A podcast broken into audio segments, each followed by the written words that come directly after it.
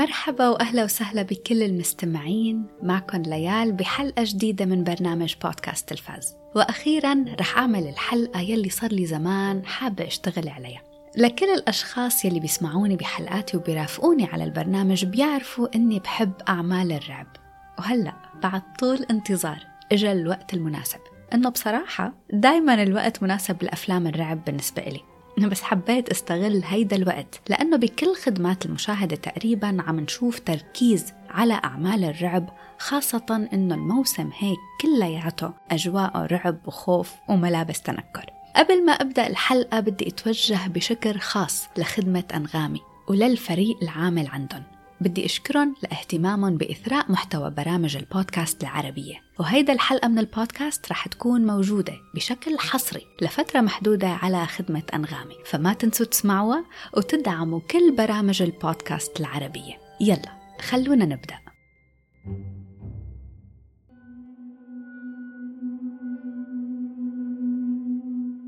أفلام الرعب يلي بحبها وبعتبرها عن جد حلوة ومهمة كتيرة كتير. فما رح أقدر أحكي عنها كلياتها.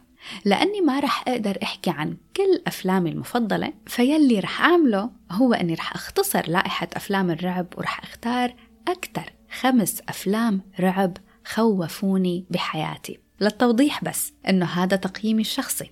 وغير إنه تقييمي الشخصي وذوقي الشخصي. هذا معياري الشخصي لقديش بتحمل مشاهد رعب وشو هي الأشياء يلي بتأثر فيي وبتخوفني. تاني شي حابة وضحه إنه هاي الخمس أفلام هن أكثر أفلام خوفوني وما خلوني نام كم ليلة. يعني رعبوني وضلوا مستحوذين على تفكيري ومخيلتي لوقت طويل. فمش بالضرورة إنه هاي الخمس أفلام تكون أفلامي المفضلة. وطبعا رح أحكي عن هي النقطة أكثر لما أتحدث عن الأفلام. قبل ما أبدأ بالعد التنازلي لهدول الخمس أفلام رح أخذكم بجولة سريعة على تصنيفات الرعب نفسها. الرعب بشكل عام إذا بدي فوت بالتفاصيل تبعه فما رح أخلص لأنه هي ال genre بالتحديد إلى العديد والعديد من التصنيفات الفرعية ال sub genres فمثلا عنا الرعب الكوميدي مثل Zombieland و Goosebumps و Little Evil في عنا كمان الرعب يلي برافق عبادة دينية محددة يعني ال cult ما بخبي عليكم إنه ال cult منه من نوع الرعب يلي أنا بحبه. إنه على قد ما ممكن تكون هاي ال genre وحدة من أكثر ال genres يلي بتخوف وبترعب لكنها بالرغم من هذا الشيء منا من نوع الرعب المفضل عندي. لأنه بالآخر كل شيء كنا عم نحضره وخايفين منه بيكون تفسيره إنه هيدا طقوس تابعة لطائفة معينة عندهم معتقداتهم الغريبة. صحيح قلت إني ما بحب هاي ال genre بالتحديد اللي هي الرعب تبع الطوائف الدينية. دائما في فيلم بيخرق هاي القاعدة وبهيدا الحالة فهو فيلم Get Out. هيدا الفيلم عجبني كتير لأنه بيجمع كتير عوامل حلوة من التمثيل الرهيب لشوية كوميديا سوداوية مضحكة للتصوير وال cinematography عجبني كتير كفيلم متكامل. بس ما تفكروا إنه هو واحد من الخمسة لا إنه حلو بس ما خوفني كتير. نرجع لأنواع الرعب. في عنا رعب الظواهر غير الطبيعية مثل paranormal activity. مع أنه paranormal activity فيه أكثر من تصنيف واحد. فبالإضافة إلى الظواهر غير الطبيعية يلي فيه كمان بيجي تحت لائحة أفلام الرعب المصورة بكاميرا إيد مثل Blair Witch Project يعني هذا الفيلم كمان لما حضرته وقت صدر كان كتير كتير بخوف. عنا كمان الرعب النفسي. هيدا بحبه كتير. هو مائل أكتر ل thriller من رعب. مثل American Psycho هيدا الفيلم لحاله بده حديث مطول. في عنا فيلم Orphan Stoker Mother وغيرهم لكتير كتير كتير. ما رح ننسى أكيد رعب السفاحين وال serial killers يلي أكثر شي محبوبين بفترة الهالوين مثل السفاح مايكل مايرز من أفلام هالوين وشخصية جيسون من أفلام Friday the 13th و Scream و I know what you did last summer وغيرهم كمان أكثر. على سيرة Scream و I know what you did last summer بيجي نوع أفلام الرعب يلي برافق مجموعة مراهقين. هيدا كمان في منا كتير. بالإضافة إلى كل هاي التصنيفات الفرعية ومثل ما لاحظت وأنا عم بذكر الأفلام بتيجي أفلام تانية بتخلط بين هاي التصنيفات. وبالكثير من الأحيان بينتج عنا أفلام حلوة ومهمة مثل الخلط بين الرعب النفسي الدموي وقاتل متسلسل يلي نتج مثلا عنا فيلم سو المزج بين الدراما ورعب الأرواح الشريرة وبينتج عنا أفلام بنظري رائعة مثل The Exorcist و The Exorcism of Emily Rose وغيرها الكتير. المهم بلا طول حديث الرعب فيه كتير تصنيفات وكتير أنواع وكل مشاهد عنده نوعه المفضل من الرعب والثريلر وأسلوبه الخاص يلي بيقيم فيه هاي الأفلام والمسلسلات. أنا اليوم رح أحكي عن أفلام بس. يلا خلونا نبدأ. الترتيب بهدول الخمس أفلام رح يكون من القديم للجديد مش من أقل شي خوفني لأكثر شي خوفني لأنه الخوف هو نفسه بكل الأفلام بس بأشكال مختلفة. بالمرتبة الخامسة فيلم حرمني من النوم. مو بس حرمني من النوم فيلم خلاني خاف من التخت نفسه وهو. The kids of Elm Street don't know it yet, but something is coming to get them. There's something out there, isn't there? A Nightmare on Elm Street مين في غيره؟ فريدي كروغر السفاح المتعطش للدم والقتل صاحب الوجه المحروق صاحب إيدين السكاكين. هذا الفيلم بالتحديد النسخة الأولى منه يلي صدرت بال 1984 من كتابة وإخراج ويس كريفن. ويس كريفن له أفلام رعب تانية مهمة صدرت بالسبعينات مثل The Last House on the Left و The Hills Have Eyes. A Nightmare on Elm Street كان من أول أفلام الرعب يلي بحضرها بحياتي. غير إنه الخوف نفسه نابع من إني كنت كتير صغيرة وما لازم أحضر أفلام رعب بهداك العمر الفكرة تبع الفيلم عن جد مخيفة. مجموعة مراهقين عايشين ب Elm Street تنقلب حياتهم لما بتيجي روح شخص سفاح على أحلامهم. وبهي الأحلام يلي هي كوابيس بيبدأ بقتلهم واحد ورا الثاني بأساليب دموية ومخيفة وبشعة. ما فيني أعبر بصراحة. عن مدى الخوف يلي زرعه هيدا الفيلم بقلبي. فريدي كروغر كان عن جد شكله مخيف. الممثل يلي قام بدوره روبرت إنجلاند كان بده ثلاث ساعات ليجهز المكياج تبعه بهداك الوقت لهذا الدور. في مشهد بصراحة ما بقدر انساه. مشهد موت مزروع بذاكرتي لهيدا الوقت. مشهد الموت يلي بتموت فيه شخصية واحد من المراهقين اسمه جلان اختصارا للمشهد كله جلان بيكون نايم على التخت وبكل بساطة التخت بيبلعه. دور جلان كان أول ظهور للممثل جوني ديب والسبب أنه المخرج ويس كريفن اختاره. لهذا الدور هو لأنه بنته لكريفن كانت مسحورة بجمال جوني ديب. فيلم A Nightmare on Elm Street حقق نجاح هائل لما عرض بالسينما هداك العام ونجاحه الكبير أنقذ شركة الإنتاج New Line Cinema من الإفلاس. انتقالا للمرتبة الرابعة. فيلم خوفني وعيشني لحظات طفولة ما رح أنساها. فيلم خلاني أكره المهرجين والبوالين. خلاني خاف من الليل والصبح مع بعض. الفيلم الرابع على القائمة هو Was it Pennywise? Big white guy, red nose, about 75 feet tall, mouth full of razor sharp teeth. It عم احكي عن It تبع ال 1990 هلا أكيد موضوع إني حضرته وأنا عمري يمكن أقل من 12 سنة موضوع بيأثر على قديش مخيلتي صارت تخترع سيناريوهات. من وين رح يطلع Pennywise المهرج الدموي؟ من أرض الحمام ولا من مجاري بالشوارع ولا وأنا عم بمشي بالحديقة؟ بس خلونا نشيل موضوع العمر ومخيلة الطفولة على جنب شوي. شو الأسباب يلي عن جد خلت هذا الفيلم إت يلي صدر بال 1990 شو يلي خلاه يخوفني كل هالقد؟ أول شي فكرة إنه الأشخاص المستهدفين الأساسيين هن أطفال. وتاني شي تصوير المهرج بهذا الشكل المخيف مع هدول الأسنان المقرفين. إنه ليش مهرج لهلأ؟ لهذا اليوم ما بحب المهرجين ولا البوالين بصراحة. صحيح رجعوا أنتجوا نسخة حديثة من إت الشابتر 1 يلي صدر بال 2017 والشابتر 2 بال 2019 بس منن نفس الشيء أبدا. خاصة شابتر 2 من إت ما كان حلو على الإطلاق. بس يمكن منيح إني حضرت النسخة الحديثة منه لأنه خفف من الخوف يلي مزروع بقلبي من هيدا القصة. هلأ في شي كمان بيخلي هيدا القصة مهمة إنه It مستند من رواية لستيفن كينج وما في حدا بيقدر يقدم رعب نفسي قد هيدا الإنسان. في حدا من المستمعين حاضر Pet Sematary تبع 1989 هذا الفيلم كمان رواية لستيفن كينج صرت خاف من القطط من وراه ليش؟ فيلم The Shining من شو بيشكي؟ ولا Misery ولا Carrie رعب الطفولة كله كان sponsored by ستيفن كينج بس فيلم إت كان له الحصة الأكبر من بين كل هي الأعمال التانية. هلأ رح ناخد قفزة زمنية بالأعوام لنوصل للفيلم الثالث على الليست وهو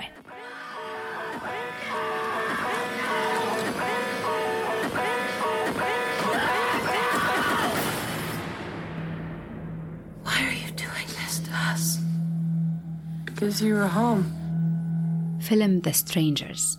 صدر بال 2008 بعرف إنه هذا الفيلم يمكن لكتير من الأشخاص والمستمعين ما يكون مخيف ومرعب لدرجة كبيرة. بس بصراحة فكرة إنه ناس مقنعين يقتحموا البيت ويبلشوا يذبحوا يلي ساكنين فيه هاي الفكرة بتخوفني كتير. هلا بعد سلسلة أفلام The Purge يلي أول واحد منا صدر بال 2013 يمكن صار عندي مناعة. بس The Strangers كان من أول أفلام الرعب وال thriller يلي بحضرها من هذا النوع. ومن بعد ما حضرته صرت أقفل الأبواب والشبابيك صرت خاف أطلع من الشباك لحتى أشوف شو في برا. The Strangers برافق ثنائي. بيروحوا على بيت بمنطقة شوي معزولة. ليقضوا عطلة رومانسية مع بعض. تتحول هي الليلة الرومانسية لليلة رعب بتحبس النفس لما بيدخل على المنزل ثلاث أشخاص مقنعين حاملين أسلحة. أسلحة بدائية يعني سكينة وفأس وهيك وبيوقع الثنائي ضحية لهذا الرعب. الفيلم من بطولة ليف تايلر. ومن وراها أصلا أنا حضرت الفيلم. بحب هاي الممثلة كتير. والمخرج براين برتينو يلي كمان هو كتب قصة الفيلم بيقول إنه استوحى الأحداث من أحداث بطفولته.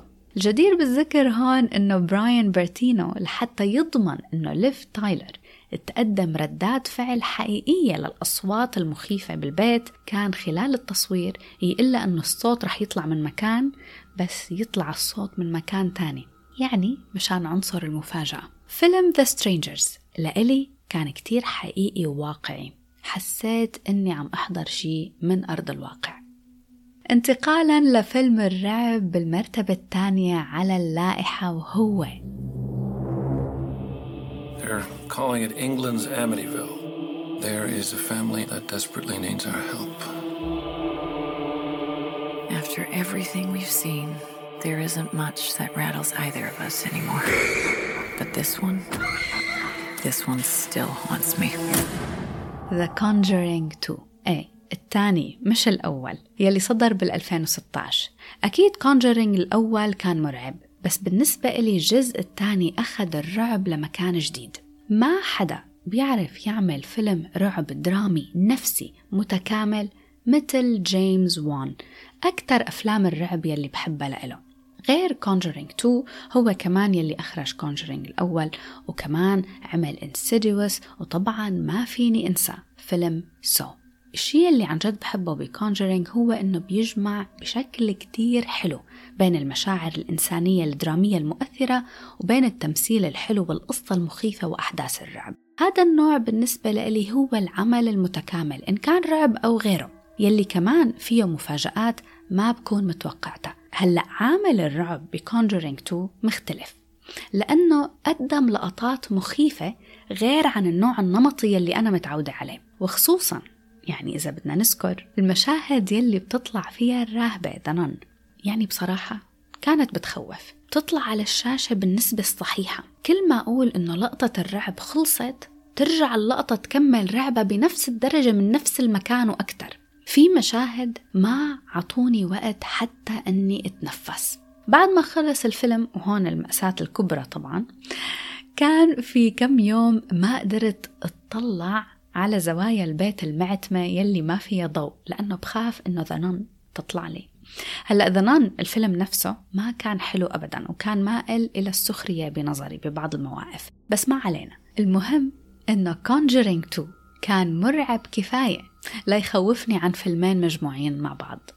فيرا فارميغا يلي بتقدم شخصية لورين وارن. بعد هذا الفيلم صار عندها التهاب حاد بالأحبال الصوتية لأنها كانت تعيد مشهد الصريخ أكثر من خمسين مرة لحتى تحصل بالآخر على الصرخة يلي بتناسب هذا النوع من الرعب.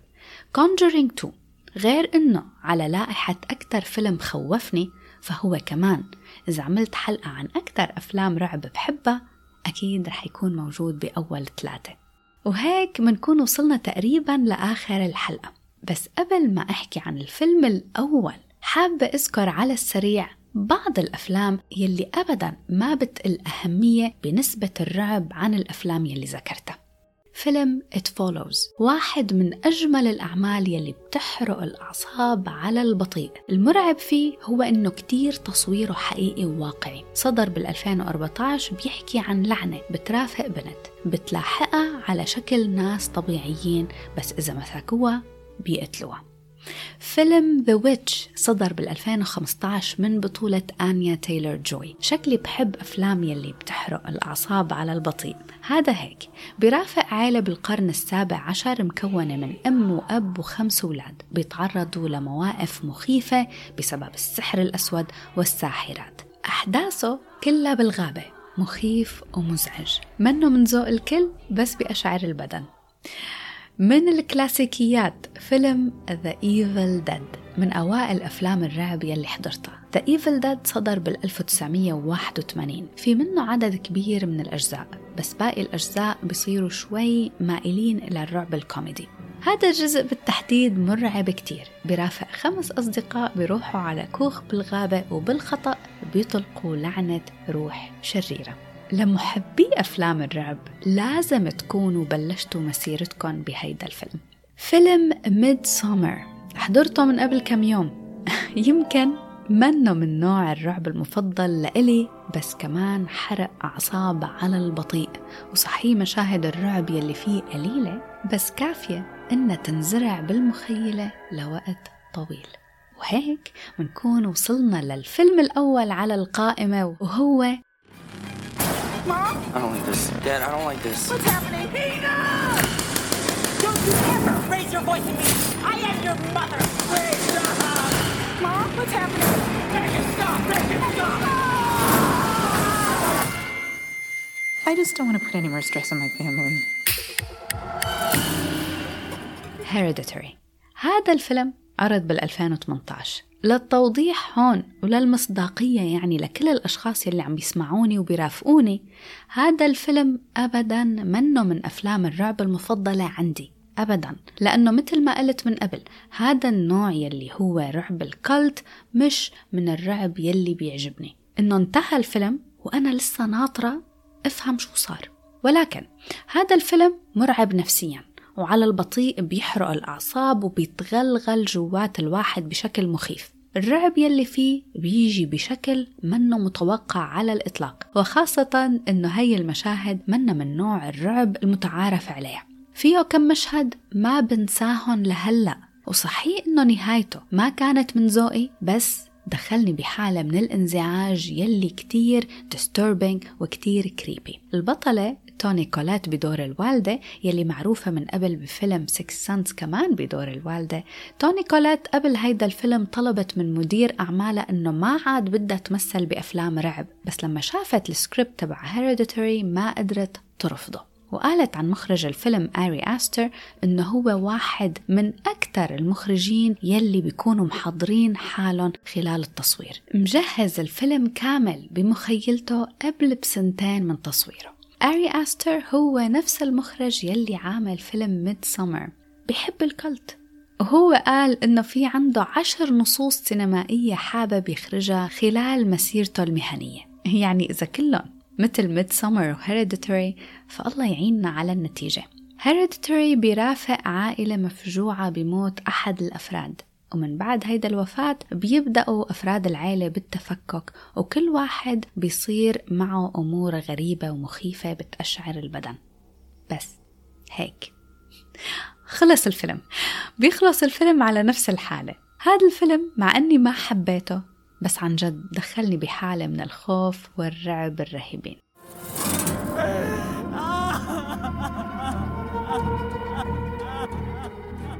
وهيك بكون وصلت لآخر الحلقة.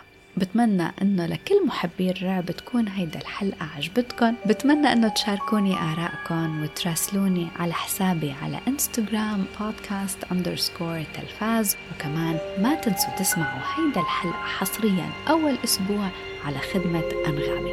شكرا لكم كتير. بشوفكم بحلقة جديدة مسلسل جديد وأفلام جديدة. باي باي.